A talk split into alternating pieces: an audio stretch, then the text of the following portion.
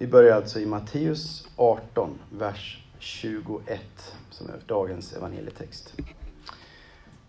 Då kom Petrus fram till honom och sa, Herre, hur många gånger ska jag, eh, min broder, kunna göra orätt mot mig och ändå få förlåtelse av mig? Så mycket som sju gånger, svarade, eller han frågade, så mycket som sju gånger? Jesus svarade, jag säger dig, inte sju gånger, utan 77 gånger. Ehm, och det är ju ganska många gånger. va? Och vi vet ju alla hur jobbigt det är när någon har gjort något fel mot oss. Ska den göra det här hela tiden och så ska man förlåta i 77 gånger. Och 77 det är ju ett tal då som säger att ja, men du ska förlåta egentligen hur många gånger som helst. Ehm, och det här, i, i rabbinsk litteratur så, så står det att, att du ska förlåta din broder första gången, andra gången, tredje gången. Men fjärde gången, ja, då är det lite för mycket. Då ska du inte förlåta honom mer. Så det här är liksom lite mer begärt av oss än den eh, gängse sedvänjan om man säger så. Och det här sju gånger, eller sju och 77, det har sin eh, bakgrund i första Mosebok 4, 24 där, där Kain ska hämnas sju gånger, säger Gud. Och hans ättling Lemek 77 gånger. Det är en slags förbannelse då för den som gjort ont mot Kain. Han ska av Gud hämnas sju gånger. Och här byter Jesus helt perspektiv och säger att inte förbannelse längre, inte vrede, utan förlåtelse. Så lika mycket som det skulle förbannas över den som gör fel här, lika mycket ska det förlåtas i det nya förbundet. Du är kallad att göra det Jesus gör. Han gör om och gör rätt. Det handlar om förlåtelse nu. Eh, och det är mot den bakgrunden han fortsätter sen i texten och eh, tar berättelsen om den obarmhärtige tjänaren. Där det står så här då, fortsättningen, vers 23 och framåt. Därför är det med himmelriket som när en kung ville ha redovisning av sin tjänare. När han började granskningen förde man in en som var skyldig honom 10 000 talenter. Eftersom han inte kunde betala befallde hans herre att, man skulle, att han skulle säljas tillsammans med sin hustru och sina barn och allt han ägde, så att skulden skulle kunna betalas. Tjänaren kastade sig ner och bönföll honom. Ge mig tid så jag kan betala allt sammans. Då kände hans herre medlidande med honom och lät honom gå och efterskänkte hans skuld. Men när tjänaren gick därifrån mötte han en annan tjänare som var skyldig honom hundra denarer. Han grep honom om strupen och sa, betala tillbaka vad du är skyldig. Och den andre kastade sig ner och bad honom, ge mig tid så ska jag betala. Men han ville inte, utan gick därifrån och lät honom sätta honom i fängelse tills skulden var betald. När de andra tjänare såg vad som hände tog de mycket illa vid sig och talade om allt sammans för sin, sin herre. Då kallade denne till sig tjänaren och sa, din usling, jag efterskänkte hela din skuld när du bad mig om det. Borde du inte ha varit lika barmhärtig mot din kamrat som jag är mot dig? Och i sin vrede lät han, herre bödelsträngarna ta hand om honom tills hela skulden var betald. Så ska min himmelske fader göra mot var och en av er som inte av uppriktigt hjärta förlåter sin broder. Det var ord och inga visor det. Han förde in en man, står det, antagligen från fängelset förde han in den här tjänaren. För att han hade gjort av med 10 000 talenter. Fruktansvärt mycket pengar. Någon som har en aning om hur mycket det är? Flera miljarder. Ja. Flera miljarder. Uppåt 500 miljarder kronor i motsvarande valuta. Alltså det är ju nästan inte någon som är god för det höll jag på att säga. Och Bill Gates är väl i krokarna va. Men det är ju enormt mycket pengar. Alltså hur har han gjort, gjort av med alla de här pengarna? Det, det, det undrar man ju över. Det är ju en bild på att det här är en obetalbar skuld han har dragit på sig. Ingen människa har så mycket pengar. Det är det Jesu budskap är här. Eh, nu råkar det vara någon som är så rik i, i, idag, men jag tror inte att det var det då. Eh, en omänsklig skuld. Rättvisan kräver att skulden drivs in. Och enda sättet för tjänaren att göra lite utav det här, det är då att, att betala eh, av det genom att hela hans familj ska, ska dras in i det här och börja straffarbeta av skulden. Och så är det ju när vi gör något dåligt eh, och, och vi syndar, som Bibeln säger, vi, vi gör fel, vi är egoistiska, så är det inte bara oss det drabbar, utan det drabbar också hela vår familj. Alla dras in i, i eländet på ett eller annat sätt. Och precis så var det här också. Hela familjen skulle få straffarbeta. Eh, och tyvärr är det ju så att eh, det som, bör, det som handlar om mig handlar inte bara om mig. Det är bra att tänka på det. Eh, ibland, tror jag. Han förstår allvaret, verkar det som. Han har nått botten. Han faller på knä och ber om nåd. Eh, jag tror att Gud ofta för oss till den punkten i våra liv där det är botten, så att säga. Och där börjar resan uppåt igen. Han för oss dit hän att vi inte klarar det själva. Och då får vi lov att falla på knä och ropa efter hans hjälp. Det verkar som att det är liksom vägen att bli fri från droger och kriminalitet också. Att man når botten först. Innan man kan liksom ge upp allting, så att Gud kan ta över ens liv. Eh, han faller på knä, men det, han ber lite om uppskov. Han ger inte upp helt, utan han tänker, ja men eh, ge mig lite mer tid bara så jag ska kunna tjäna in de här pengarna.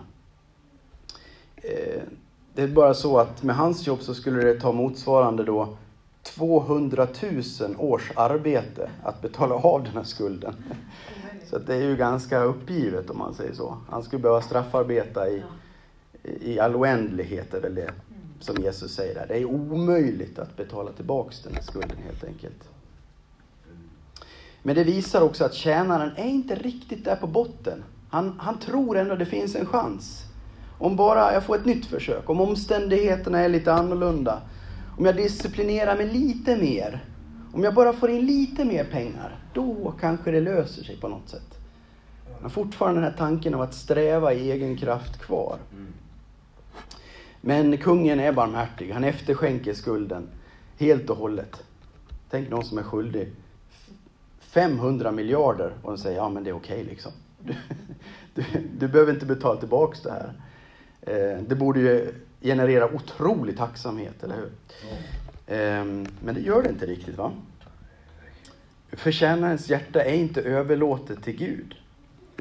När allting eh, är ordnat så dyker det här oböjda egot upp igen. Och krokodiltårarna är borta. Eh, han går vidare och möter den här medtjänaren, stolt och girig, och ber om att få tillbaka de här denarerna. Hundra denarer, vad är det värt i dagens valuta? Vad tror ni? Inte så mycket faktiskt. 200 kronor ungefär. Så han har blivit efterskänkt 500 miljarder. Men nu vill han ha de här 200 kronorna ändå. Det är inte mer än rätt att jag ska tillbaks det som du har tagit från mig. Och eh, mm, det är ju inte så bra va? Eh, hur reagerar jag när någon gör orätt mot mig? Jesus föreslår att jag ska rikta min blick inåt först, innan jag riktar den utåt mot den som är skyldig mig eller som har gjort orätt mot mig. Det står så här i Matteus kapitel 7, vers 1 och framåt. Döm inte så blir ni inte dömda. Till den dom som ni dömer med ska ni dömas, och med den mått som ni mäter med ska mätas upp åt er. Varför ser du flisan i din broders öga när du inte märker bjälken i ditt eget? Och hur kan du säga till din broder, låt mig ta bort flisan ur ditt öga, du som har en bjälke i ditt öga? Hycklare, ta först bort bjälken, bjälken i ditt eget öga. Och sen kan du ta bort flisan i din broders öga eller systers öga. Ehm, det är så Gud ser på många situationer. Eh, att vi har så lätt att skylla på andra och inte se vårt eget ansvar inför Gud framförallt. Och han saknar självinsikt inför Gud, den här tjänaren. Synden leder till otacksamhet. Oftast finns inte motivationen att förlåta andra när vi inte själva har blivit förlåtna. Därför börjar det alltid hos oss. Upplevelsen av att själv ha blivit förlåten ger mig också kraft att förlåta andra. Tjänaren var självupptagen och egoistisk. Han gav ingen nåd. Han gav inte ens chansen för den här medtjänaren att betala tillbaka, utan han yrkade på fängelse direkt. Straff ska du ha. Och här är vi alla ibland. Och det är ju orättvist livet, eller hur? Det är ju inte rättvist. Jag tycker livet är rättvist. Ja, men ja, det finns andra som tycker det är orättvist, jag lovar dig. Och det finns andra som tycker att du har varit orättvis också mot dem. Eller hur? Ja, men då har de missuppfattat mig. Ja, kanske. Men för dem så har det betytt orättvisa och du har gjort dem illa på, på ett eller annat sätt. Det kommer vi inte ifrån. Och livet handlar inte om att vara perfekt. Liknelsens poäng är att vi behöver se vår egen synd, vår egen egoism eh, i paritet. Eller så här. Liknelsens poäng är att, att den andres synd mot mig måste ses i paritet, i alltså jämförelse med min synd mot Gud. Och då vet jag att i vår kultur så tycker vi inte att vi är så dåliga. Vi tycker vi är ganska bra. Och det här är ett problem i vår kultur, att vi tycker vi är lite bättre än vad vi är. Och det här är skuldproblematiken då. Men inför en helig Gud, som är helt syndfri, som är vit och klar och äkta, så eh, är vår egoism och vår själv, liksom, vårt sätt att, att prioritera oss själva eh, väldigt eh, tydlig. Eh, den är väldigt eh, stor, skulle jag säga. Större än vad vi kanske kan förstå. Och det är det som liknelsen behöver förstå. Vi är skyldiga Gud 500 miljarder kronor. Och det är ganska mycket pengar. Och det är inte för att kanske du är mördare eller att du har begått någon jättestor synd, utan det är för att vi är människor och gör fel och brist. Och det var därför Jesus behövde dö på korset. För att det är ingen människa som klarar att betala tillbaks den här skulden. Vågskålen här kommer alltid att väga fel. Din, dina goda gärningar, så att säga, om du har den synen, kommer aldrig att väga över den skuld av 500 miljarder som ligger i den här vågskålen. Det kommer aldrig komma upp. Vad har vi för lön? Ja, 25, 30, kanske någon har 50 000. Det är ganska bra lön. Ja. Men det kommer ju ändå inte upp va? Det, det är väldigt lite jämförelsevis. Så det är poängen med, med Jesu liknelse.